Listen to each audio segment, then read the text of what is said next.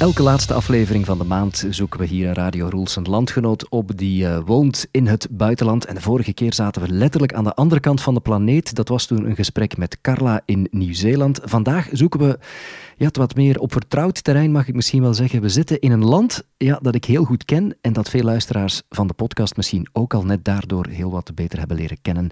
Wie weet, zullen we het nog enkele seconden geheim houden waar we naartoe gaan? Laat ik mijn gast er eerst bij halen. Dat is Katja de Boek. Dag Katja. Dag uh, Lode. Uh, geef het maar prijzen. Waar zit jij precies op dit ogenblik? Ja, goedemorgen. Uh, ik zit in Vancouver, Canada. Vancouver, beautiful British Columbia. Daar, daar woon je. Hoe lang woon je daar al? Ik woon hier sinds juli 2009. Juli 2009, wauw, dat, is, uh, dat is al lang, hè? dat is uh, negen jaar, bijna negen jaar.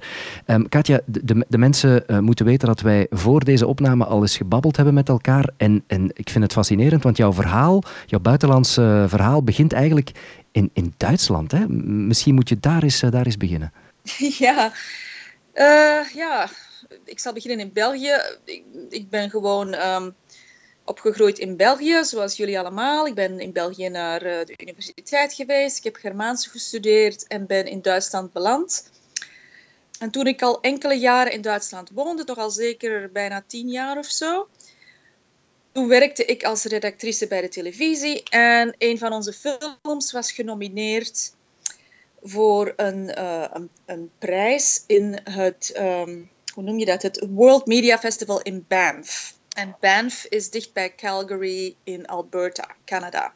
Nu, ik had nog nooit van Banff of van Calgary gehoord. Maar uh, mijn secretaresse toen zei, ja, je moet naar Calgary gaan, want jullie zijn genomineerd. En dat is een hele fijne nominatie, want je krijgt daar allee, een paar dagen op hotel en zo verder. Dus ik zeg, oké, doe dat. Dus ik ging de eerste maal in mijn leven naar Canada. Ik vertrek in Frankfurt op het vliegtuig. Mhm. En ik wou eigenlijk naast mijn collega zitten. Maar we hadden geen plaatsen naast elkaar gekregen in het vliegtuig. En ik zei tegen mijn collega: Als er iemand zelfs, uh, naast mij komt zitten, dan vraag ik wel aan die persoon of we kunnen wisselen. En toen kwam er iemand naast mij zitten in het vliegtuig, die ik heel leuk vond. En toen dacht ik: Ik zal maar niet vragen of hij wil wisselen. En dat is nu mijn man. Wauw. Dat, dat, dat is een scenario van een film wat je daar vertelt. Ongelooflijk. De, de liefde van je leven ontmoet op het vliegtuig naar Canada bovendien, waar je dan later eh, terecht zou komen. Ongelooflijk. Inderdaad. En dat is... Uh, mijn man is een, um, ja, een, een, Pool, maar hij is, toen was hij al Canadees. Dus hij is uh, toen hij jong was naar Canada vertrokken. En hij voelde zich dus heel Canadees en wou eigenlijk zeker niet terug naar Europa. Voor mij is hij dan een jaar later ongeveer na die vlucht toch wel terug naar Europa gekomen en heeft ook acht jaar met, bij mij gewoond in, in Keulen. Uh, toen kregen wij ook twee kinderen tijdens die acht jaar. En toen het tijd werd voor onze oudste dochter om naar de, uh, naar de school te gaan, naar de eerste, hoe noem je dat, het eerste studiejaar, toen wou hij het liefst dat zij toch in het Engels naar de school zou gaan en niet naar het thuis, omdat hij haar anders niet zou kunnen helpen. En in Keulen is er maar één Engelse school en die is helemaal buiten het centrum. Dus dat was logistiek eigenlijk niet te doen voor ons toen, met ons werk en zo. En toen hebben we maar besloten om omwille mhm. van de kinderen en hun taal uh, naar Canada te verhuizen. Ik vond dat heel erg toen, omdat ik een goede carrière had.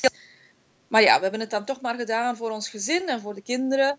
En ja, zo slecht is ons plekje op de wereld natuurlijk niet. Nee, nee, precies. Wacht, hè. En, en dan om even terug te gaan, dat, eh, als je dat bekijkt, dat is fantastisch. Dus jij bent, of jij, jij was een, een Belgische vrouw die in Duitsland werkt, op weg naar Canada. En daar ontmoet je dan een Pools-Canadese man, die, die dan uh, ja, de liefde van zijn leven volgt en in Duitsland even gaat wonen. En dan uiteindelijk samen naar Canada getrokken. Dat is fantastisch. Wat een internationaal verhaal. Dat is juist. En onze kinderen zijn Canadese Belgen. Dus die hebben de dubbele nationaliteit. De Poolse nationaliteit hebben wij nooit aangevraagd voor hen. Theoretisch zou dat kunnen, maar uh, ja, dat is natuurlijk niet nodig. En mijn jongste dochter heeft theoretisch de kans ook Duitse te worden. Omdat toen zij geboren werd in 2006, toen was er uh, in Duitsland Duitsland zo de trend, ik weet niet of dat, dat nog bestaat, dat alle kinderen die in Duitsland geboren worden een kans krijgen om Duits te worden. Zij mogen dat op hun achttiende beslissen. je moet wel weten, als je Duitser wil worden, moet je wel alle andere nationaliteiten opgeven. Ja, dat is waar. Dat, dat is een regel. Net zoals in Nederland, geloof ik inderdaad. Ja. Dus als Tessa ooit voor haar achttiende terug in Duitsland belandt, wat ik niet denk, maar ja, je weet nooit, dan heeft ze nog altijd de kans om gemakkelijk Duitser te worden. Maar ja, dat zal ze nu wel niet willen. nee, precies, want jullie zitten nu in Canada. Voor we ingaan op dat Canadees verhaal, wat mij ook fascineert is, hoe, hoe kom jij helemaal in het begin dan, net na je universitaire carrière zeg maar, hoe kom je in Duitsland terecht? Waarom Duitsland dan? Goh, nou ja, Duitsland is omdat ik ehm, tijdens mijn laatste, no, mijn voorlaatste, nee, ik denk geloof, ja, mijn laatste jaar Germaanse heb ik een semester in Keulen doorgebracht met het, uh, door het Erasmus-programma. En dat heeft mij heel goed bevallen. Toen ben ik terug naar Leuven gegaan in het tweede semester, het laatste semester, om uh, mijn studies af te sluiten. En ik ben werk beginnen zoeken in België. Ik vond niks tijdens de zomer, dus geen vaste baan. En toen dacht ik, ja, dan kan ik maar uh, net zo goed teruggaan naar Duitsland om mijn Duits nog wat te verbeteren. Ik had ondertussen ook al gemerkt dat je in Duitsland toen, we spreken nu wel begin jaren negentig, bijna gratis kon studeren. En ik, ik had natuurlijk al vrienden in Keulen. En ja, dan ben ik verhuisd naar Keulen. Ik ben daar nog enkele jaren gaan studeren. Ik heb uh, theater, film en, en televisiewetenschappen gestudeerd. En ik ben ja, tijdens dat eerste jaar dat ik in Duitsland woonde, heb ik direct werk gevonden in een productiehuis. En ja, de volgende 17 jaar had ik altijd werk.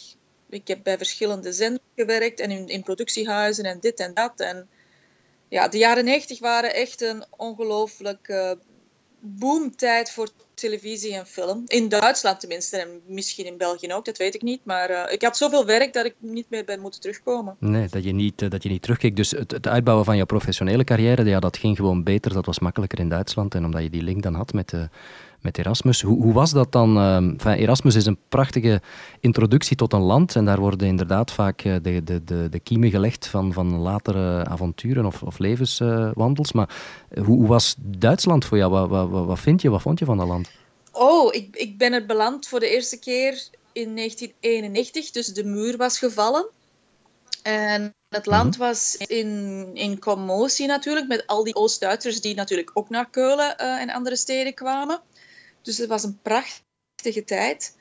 Ehm, ik heb heel veel mensen leren kennen die hun leven lang en nog heel vers achter het ijzeren gordijn hadden gewoond. Die een heel andere visie op het leven hadden dan wij westerse jongeren toen. En het was ongelooflijk verrijkend met, met hun in de klas te zitten en met hun te kunnen werken en zo. Dat was uh, geweldig. En voor mij, goed, ik was een Belgische buitenlander, dus ik was theoretisch wel een buitenlander.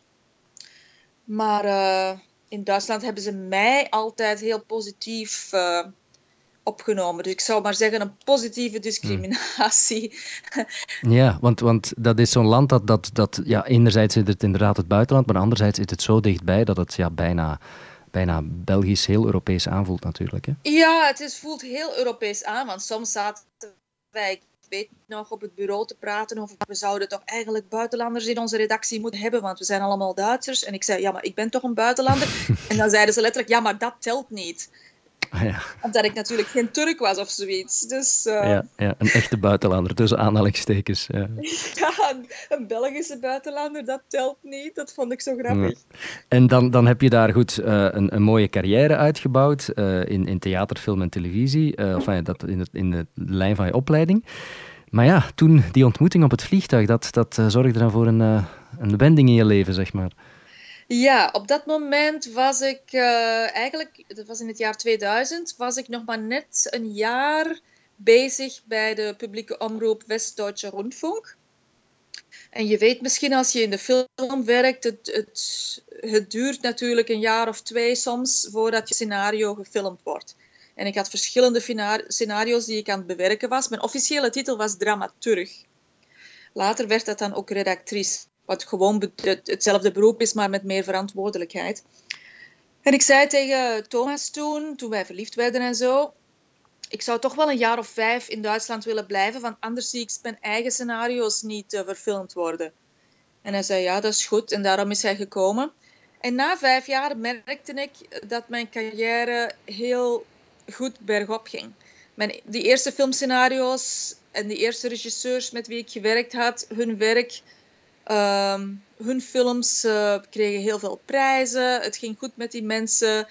Uh, ze gaven mij dan een serie die ik moest maken. Uh, in die tijd heb ik ook nog Goodbye Lenin gemaakt, die die bioscoopfilm van Wolfgang Becker, die dan ook de Europese Filmprijs won en zulke dingen.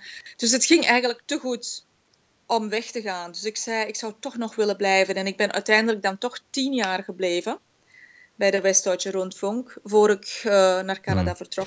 En ja, de, de, reden waarom je naar Canada ging was inderdaad omdat jouw man um, zei van, goed, ik zou liever, enfin, ik zou graag dat Engels um, in, een, in een opleiding willen, of ik zou ze willen injecteren, zeg maar, met, met Engels uh, liever dat dan, uh, dan Duits bijvoorbeeld. Inderdaad, want onze kinderen gingen in Duitsland naar de kleuterschool.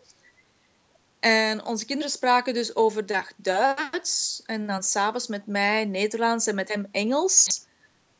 Maar uh, Thomas, dus mijn man, zijn Duits was te slecht om, ja, om schoolbegeleiding te doen. Of om echt diepe gesprekken met de kinderen te voeren, die toen nog klein waren. Maar hij was bang dat hij later nooit echte gesprekken met de kinderen zou kunnen voeren als zij in het Duits naar school zou, zouden gaan. Dus we moesten daarom eigenlijk verhuizen, omdat zijn Duits te slecht was. Maar ook omdat, ik moet er wel bij zeggen, omdat hij natuurlijk, ja, net zoals jij, Lode, uh, van Canada hield en Canada gewoon niet kon vergeten. Hij wou daar echt terug naartoe. Absoluut, ja, zeer herkenbaar. En ja, dan, dan begint dat te jeuken, te kriebelen en dan kan je dat proberen weg te steken, maar uiteindelijk komt dat weer bovendrijven en dan, ja, dan, dan moet er gewoon iets gebeuren. En dan uh, was dat 2009, als ik me niet vergis, zijn jullie, hebben jullie de sprong ja. gewaagd, zeg maar. En dat het dan BC werd, dat stond vooraf vast? Ja, mijn man die had al in uh, Newfoundland zeven jaar gewoond en drie jaar in Calgary en ook eens een jaartje in Kamloops, BC.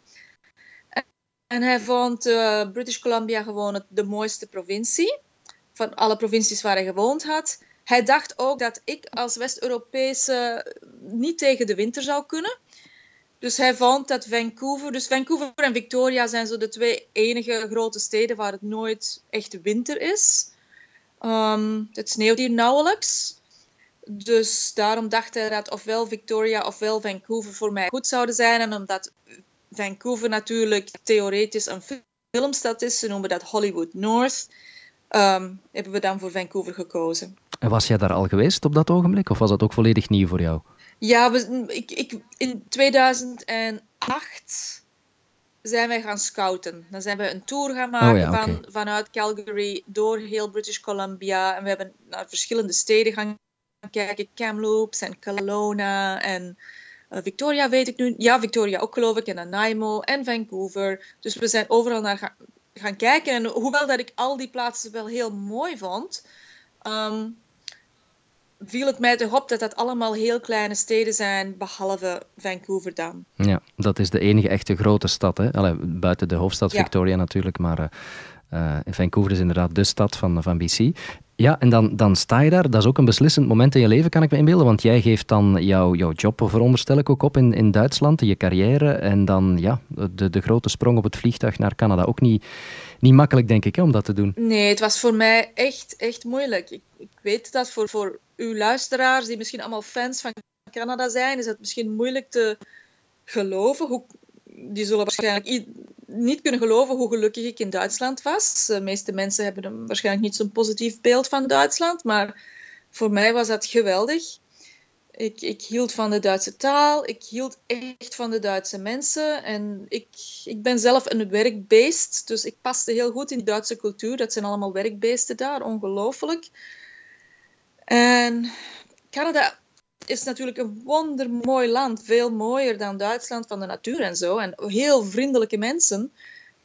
Maar ik was natuurlijk echt wel bang mijn carrière te onderbreken. En, en inderdaad, dat, dat die eerste, zeg maar, minstens de eerste vijf jaar in Canada waren heel moeilijk voor mij. In, in welke zin? Omdat je, omdat je ofwel geen werk vond, ofwel wel werk vond, maar absoluut niet in de sector dat je wilde zijn en, en slecht betaald ook?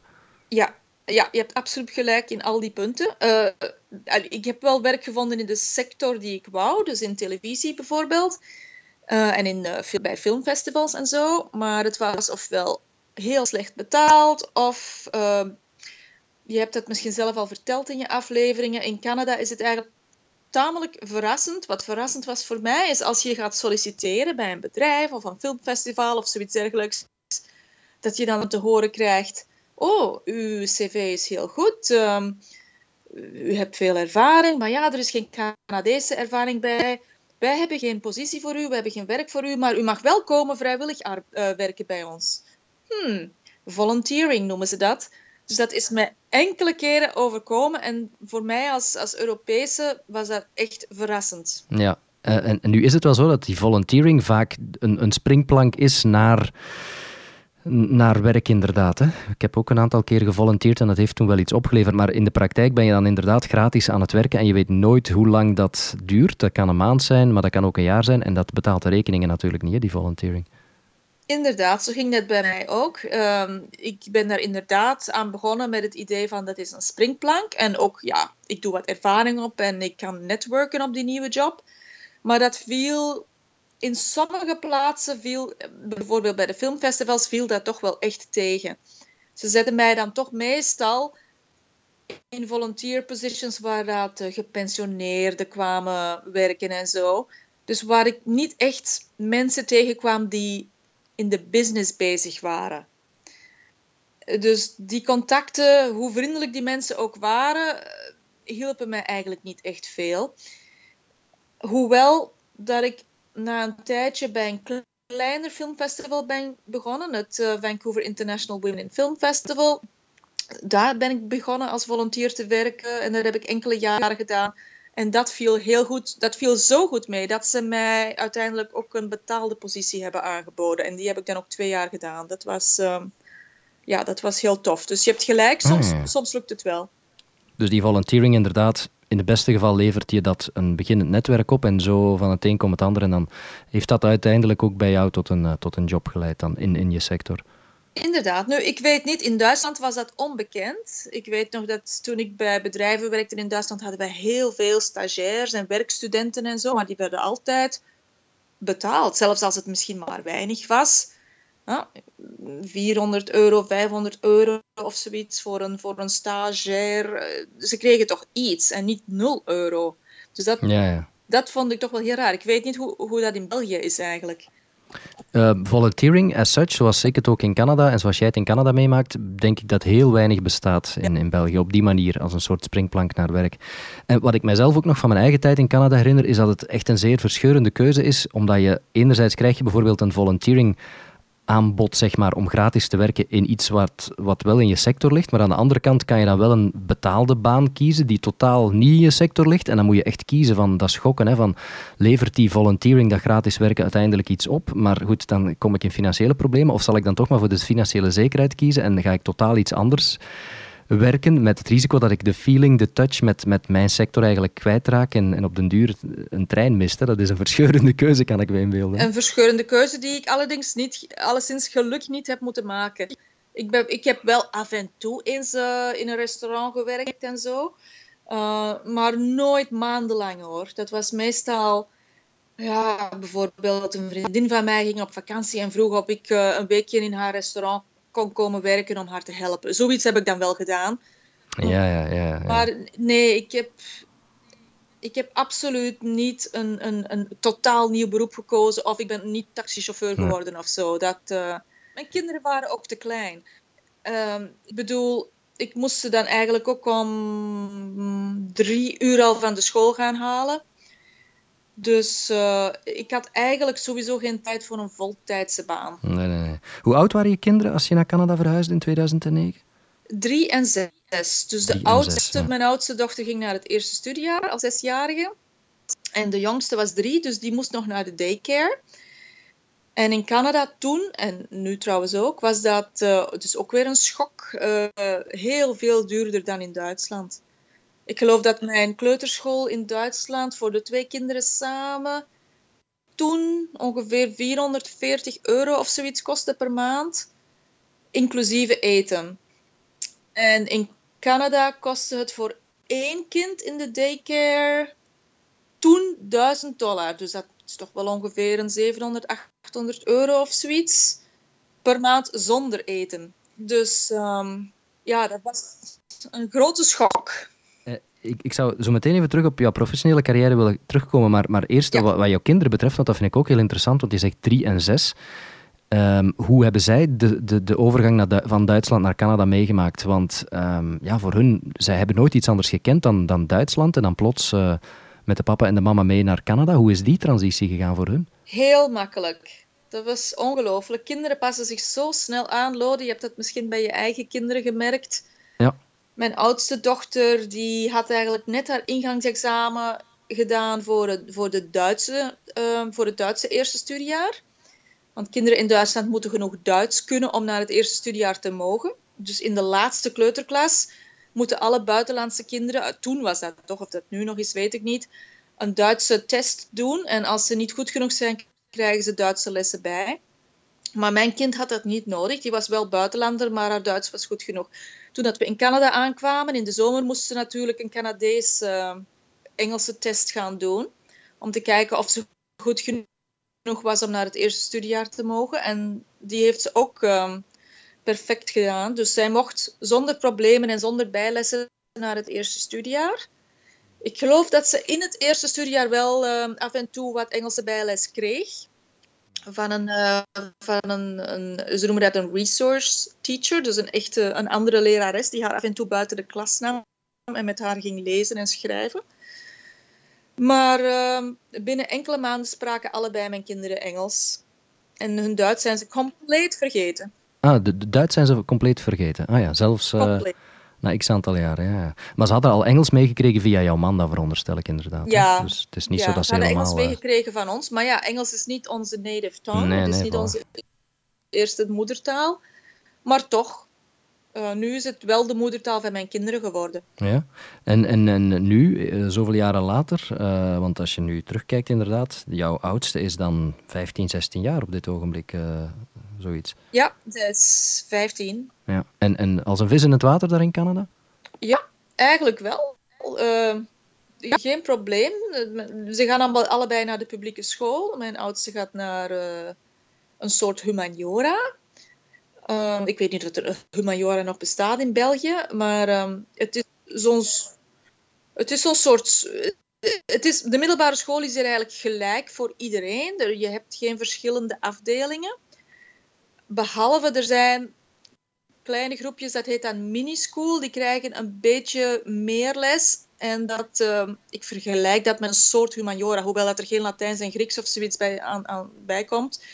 En mijn dochter zit in zo'n soort minischool, noemen ze dat. Dus in een, een afdeling van de middelbare school waar ze meer les krijgen in uh, wiskunde, wetenschap, Engels en uh, sociale wetenschappen.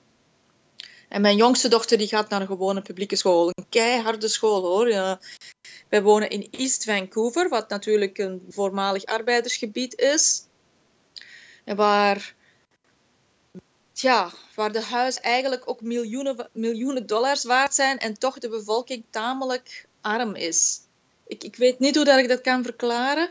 Ik weet niet waar al die mensen wonen, maar die kinderen in, in mijn dochters klas, die zijn die komen uit een, ze noemen dat, uh, hoe noemen ze dat nu weer? Um, challenging of zoiets. Uh, ja, die komen van een, van een, door, uit een sociale achtergrond die, die, die, die moeilijk is. De middenklasse is eigenlijk zo'n beetje aan het verdwijnen, vind ik. De mensen zijn ofwel ongelooflijk rijk, tenminste op papier rijk, of ze zijn echt arm. Al ik bedoel, de school van mijn, van mijn dochter bijvoorbeeld, hmm. en wij wonen hier in een buurt waar de huizen 1,5 miljoen dollar kosten, dat is dus toch wel een miljoen euro of zoiets, voor een houten huisje. Hè? Dat, zijn geen prachtige, dat zijn geen prachtige villa's. Hè? Ja. Um, we wonen in zo'n buurt en toch, uh, dus de school van mijn dochter organiseert elke dag ontbijt, waar dus hele families mogen komen ontbijten, ouders ook. En dan is er een warme maaltijd gratis voor alle kinderen. En ze doen dat omdat die veel mensen hier in de buurt zo arm zijn dat ze hun kinderen geen ontbijt en geen lunch kunnen meegeven. En omdat natuurlijk de school niet wil dat die kinderen zitten te hongeren in de klas en, en de klas verstoren. Dus de school heeft dat georganiseerd dat er gratis ontbijt en lunch is. En elke namiddag aan de school van mijn dochter zijn er gratis activiteiten die de kinderen nog tot vijf uur bezighouden, zodat ze niet om drie uur al naar huis moeten en daar hmm. met een lege maag zitten. Dus in, in die twee laatste uren, tussen drie en vijf, zijn er activiteiten. En daar, mijn dochter gaat daar dikwijls naartoe. En ze zegt, er zijn altijd snacks, er is altijd genoeg te eten. Ja, een soort sociale, sociale opvang en, en, en bijna hulpverlening voor de minder eh, behoeden. Nu, um, die, we moeten het inderdaad eens over de prijzen in BC of in Vancouver hebben, want je trok naar BC, een, een, specifiek Vancouver, ja, een van, van de duurste, zo niet de duurste stad van, uh, van Canada, geloof ik inderdaad. Je, je vermeldt daar huizenprijzen. Een gemiddeld huis kost daar niet onder het miljoen, geloof ik. Hè? Nee, goed, in 2009 was het zover nog niet.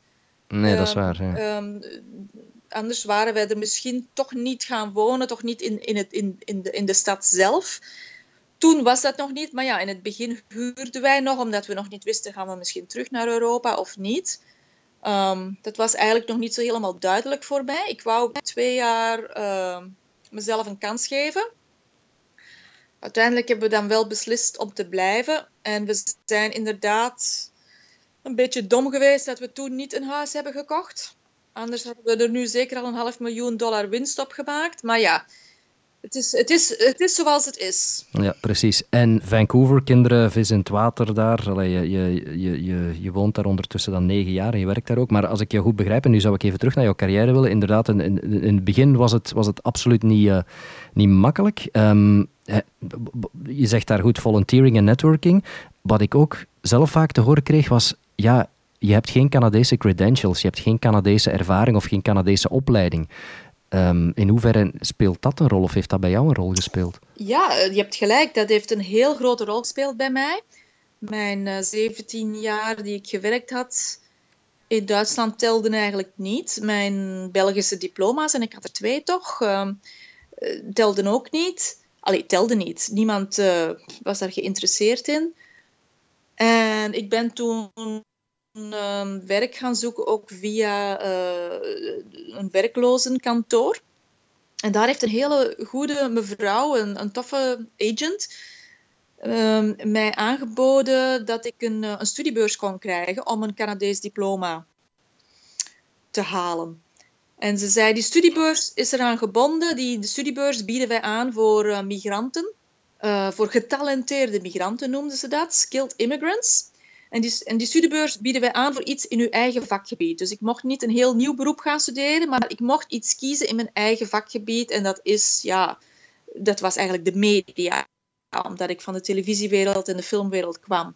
Dus ik, ik heb rondgekeken aan de colleges, wat je zo kon studeren. En ik heb een postgraduate, uh, een, studie gevonden die ik in één jaar kon doen. En het was een postgraduate in journalist, journalistiek. Dus ik ben aan het Langara College gegaan. Uh, ik heb een ingangsexamen gedaan en ben erin geslaagd. En ben dan als enige buitenlander, um, met een Amerikaan samen, maar als enige niet-Engelstalige buitenlander, een jaar lang journalistiek gaan studeren. En ik heb dat diploma ook gehaald.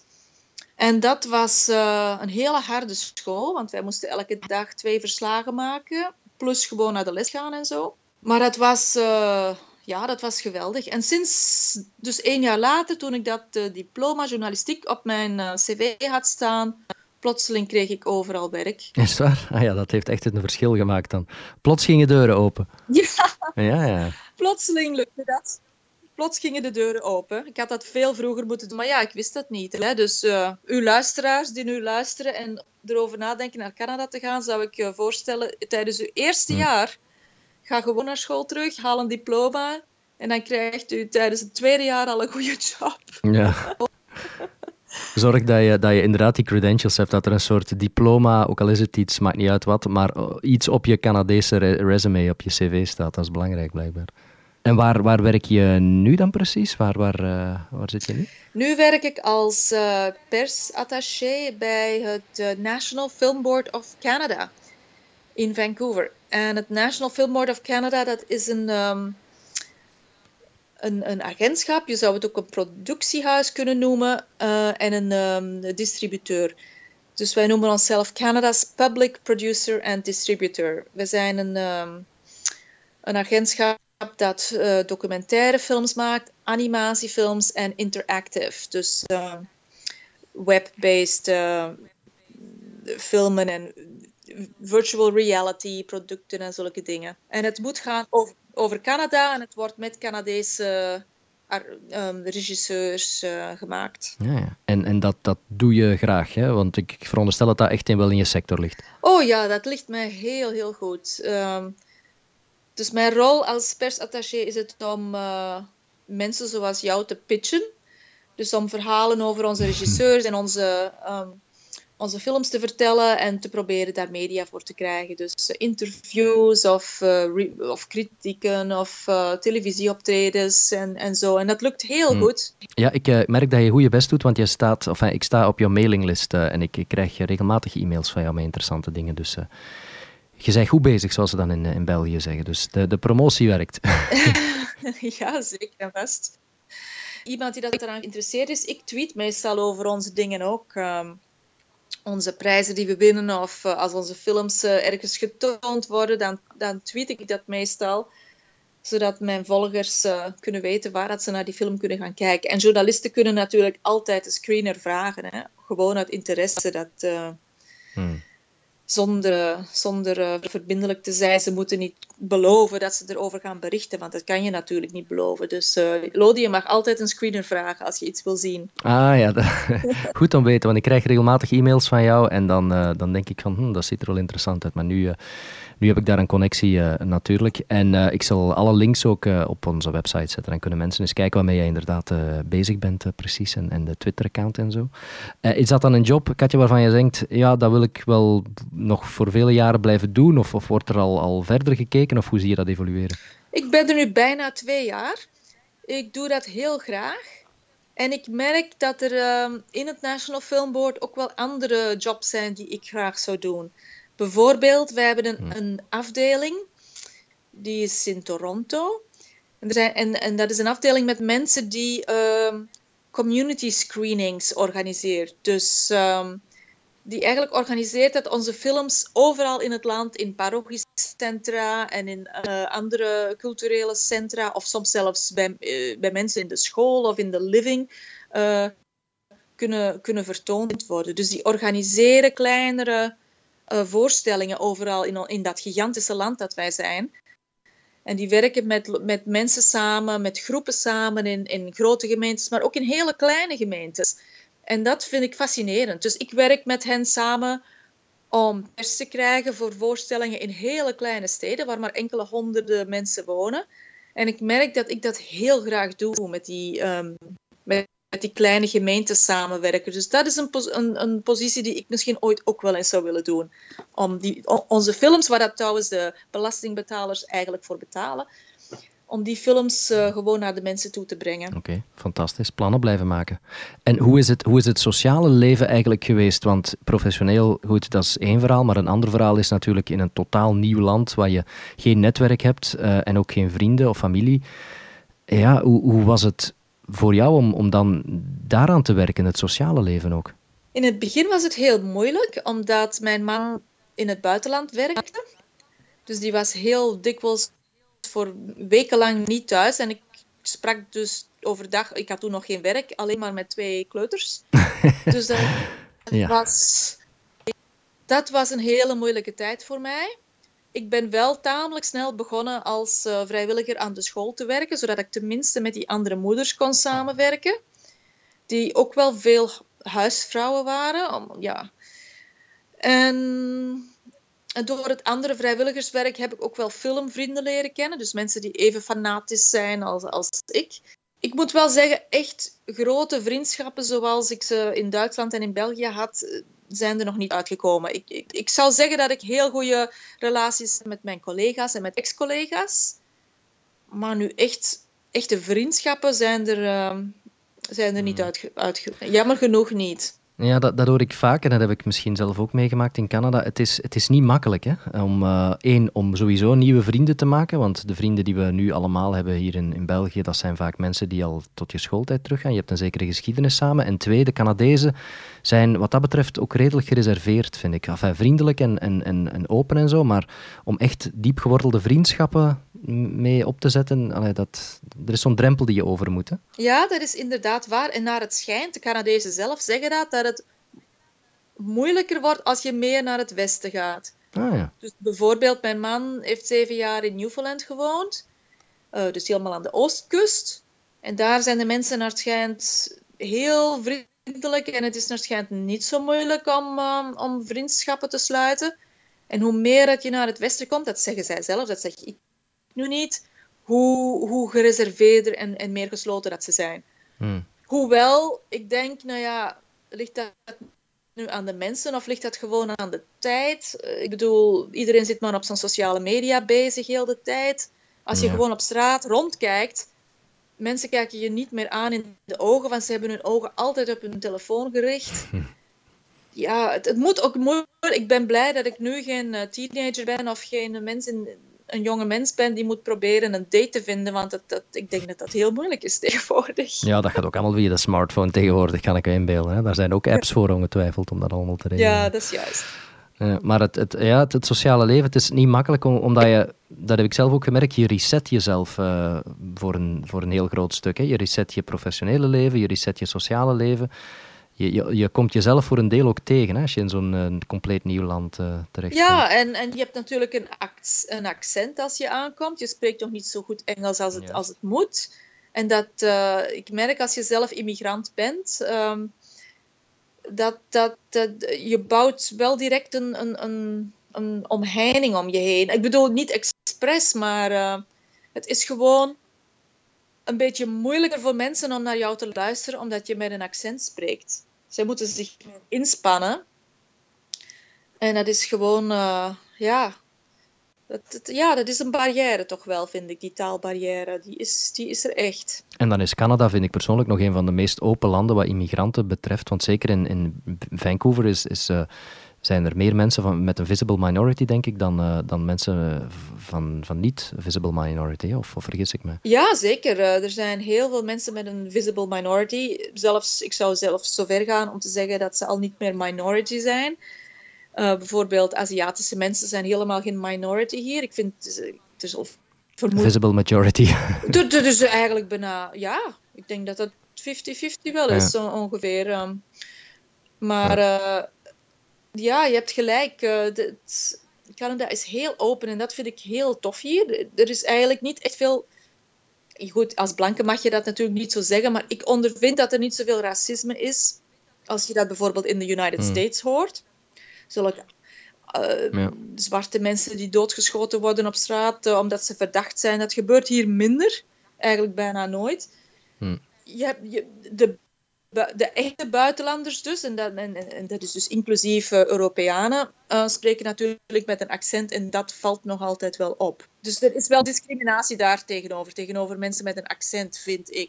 Het is misschien een geladen vraag, maar, maar voel je je na al die jaren nog immigrant? Want je bent ondertussen ook Canadees staatsburger, maar voel jij, voel jij je nog, nog immigrant? Of hoe, wat, wat is het gevoel dat overheerst bij jou? Ja, nu ik staatsburger ben geworden en on- ons heel gezin staatsburger is geworden, ehm, ik voel me nu wel minder immigrant. Dat moet ik wel zeggen. Ik voel me nu wel meer Canadees, zeker omdat ik ook bij het National Film Board of Canada werk.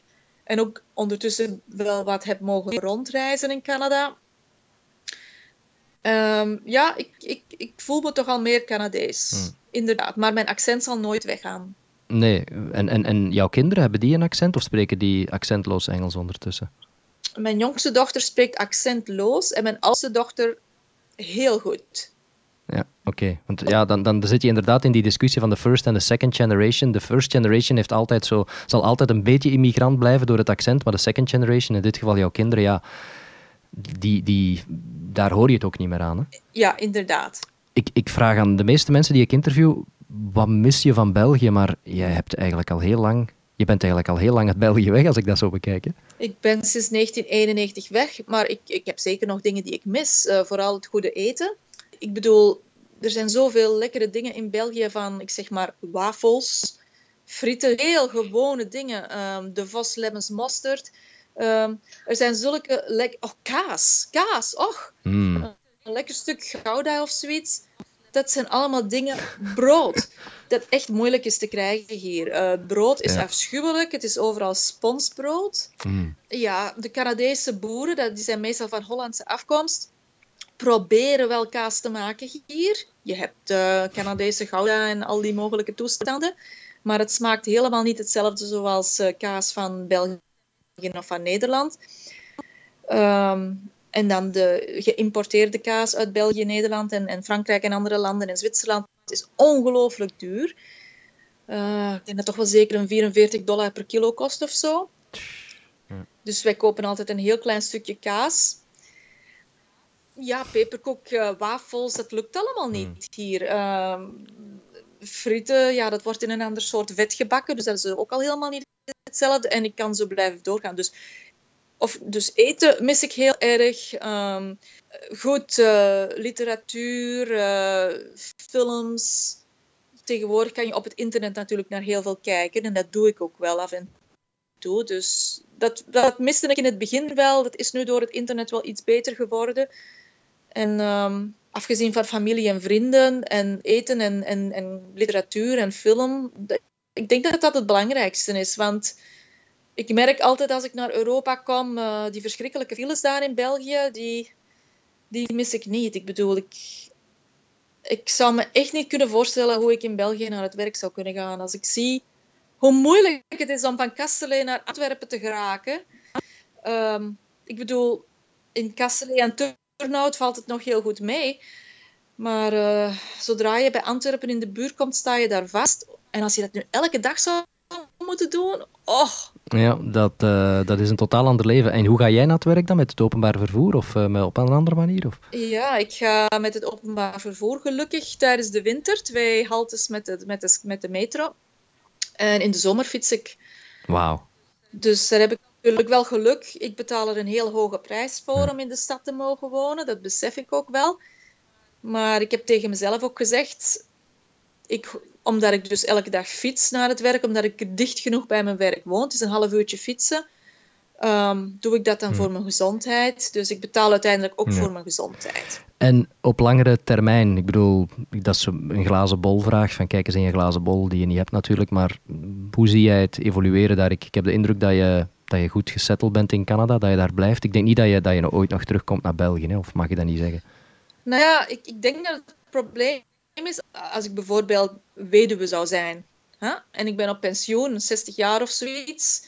Ja. Tja, dat is, dat is natuurlijk de vraag. Zou ik dan teruggaan naar België? Maar de vraag is, zou dat wel gaan? En zou ik wel hmm. überhaupt uh, bijvoorbeeld nog een ziekteverzekering krijgen of zoiets in België? Want dat is allemaal niet zo... Het is niet omdat ik de Belgische nationaliteit heb, dat ik zomaar kan teruggaan. Ja, er zijn praktische problemen, maar ook gevoelsmatig heb jij nog iets met België. Het zal altijd je vaderland blijven, of het land waar je geboren en getogen bent natuurlijk, maar die, die link, die duidelijke link, wordt met de jaren toch minder en minder. Hè? Ja, je hebt gelijk. Uh, het is heel moeilijk, want als je mij twintig jaar geleden had gevraagd waar ik zou landen, zou ik dat ook niet geweten hebben dat ik in in Canada zou landen. Dus uh, ik ben al 14 of 15 keer verhuisd tijdens mijn volwassen leven, Lode. Dus uh, okay. je kunt het eigenlijk nooit echt zeggen. Hoe wie weet, misschien, misschien krijg ik binnen enkele jaren een aanbieding om in Saskatoon te gaan werken. En misschien is die aanbieding zo goed dat ik dat ga, ga aannemen. Of misschien werk ik dan wel in Nieuw-Zeeland. Wie weet het. Ik, ik, ik, ik kan het echt niet zeggen. Op het moment zou ik wel zeggen, ik wil nooit van zijn leven meer verhuizen. Want verhuizen is verschrikkelijk. Ehm, maar je weet nooit. Uiteindelijk werk ik zo graag dat ik toch wel, als er een, interessant een interessante aanbieding zou komen, zou ik dat misschien toch aannemen. Ik ben dan ik ben tamelijk avontuurlijk. ja, ja, ja. Ja, maar dat moet je wel bijna zijn als je, als je zo'n parcours aflegt wat jij gedaan hebt. En dat maakt het net spannend, vind ik. Ik vind net mensen die openstaan voor dat soort dingen, dat zijn, dat zijn interessante mensen. Als je jouw verhaal uh, bekijkt. Als, je in, als iemand in 91 of in begin jaren 90 tegen jou gezegd had van je gaat ooit met jouw Pools-Canadese man uh, en jouw twee kinderen die in Duitsland zijn geboren in Vancouver, British Columbia wonen, dan, hadden ze, dan had jij waarschijnlijk gek verklaard. En kijk wat voor een parcours je hebt afgelegd. Dus, uh. Ja, als ik, als, ik in, als ik in 1991 misschien toch in België werk had gevonden, misschien zat ik er dan nu nog. Ja. Ja. En dan zou ik ook wel gelukkig geweest zijn hoor. België is een tof land. Um, het zou gewoon een ander leven geweest zijn. Hoe, hoe het lot of hoe het toeval iemands leven een wending kan geven, dat is, dat is bijna de theorie van de parallele universa, die, die er zo een oneindig aantal opties uh, of een andere richting die het, uh, die het kan uitgaan. maar dat is ook weer een filmverhaal dat ik nu aan het opdiepen ben, denk ik. Dat is, uh, dat is dan weer iets Oké. Inderdaad. Katja, als mensen uh, geïnteresseerd zijn in wat jij en, uh, en uh, de National Film Board doet, waar kunnen ze dan terecht? Wat zijn zo de websites of de, de Twitter-accounts die we op onze website kunnen zetten? Oh, we hebben een hele leuke website waar je eigenlijk gratis naar films kan kijken. Sommige films zijn zelfs gratis van over, voor, voor de hele wereld. Sommige zijn natuurlijk ge, geblokkeerd voor andere landen. Als bijvoorbeeld de VRT of een andere zender um, een licentie koopt, dan blokkeren we die film voor België. Um, maar sommige van onze mhm. films zijn geloof ik niet geblokkeerd, dus die zijn helemaal open. En die website is heel makkelijk: www.nfb.ca. Oké, okay. nfb.ca. Dus nfb, uh, zoals nationalfilmboard.ca. Super. En jij tweet ook geloof ik, hè, professionele? Ik tweet op uh, nfb underscore Katja mag jij dat in het Nederlands betalen, uh, vertalen? Uh, underscore in het Nederlands. Wij zeggen ook gewoon underscore. Oké. dat, is, dat is het makkelijkste. Ik weet, ja, er bestaat waarschijnlijk een mooi, fantastisch Nederlands woord voor, maar ik denk niet dat ooit iemand dat gebruikt. dat is goed. Oké, fantastisch. Zeg Katja, dankjewel om, om even tijd te maken uh, voor ons. Um, fantastisch verhaal dat je hebt, zeer internationaal. Uh, uh, al, het, al het beste daar in de beautiful British Columbia in Vancouver. En jij gaat nu zo meteen naar je werk, hè, want ik heb, ik heb jou gestoord in de ochtenduren. Hè, dus jij gaat zo meteen beginnen aan je ochtendritueel. Ja, het is nu half acht morgens, dus ik ga mij dadelijk klaarmaken om naar het werk te vertrekken. Oké, dan wens ik jou een fijne werkdag toe en dankjewel voor het gesprek. Dankjewel Lode, dag iedereen, dag. Música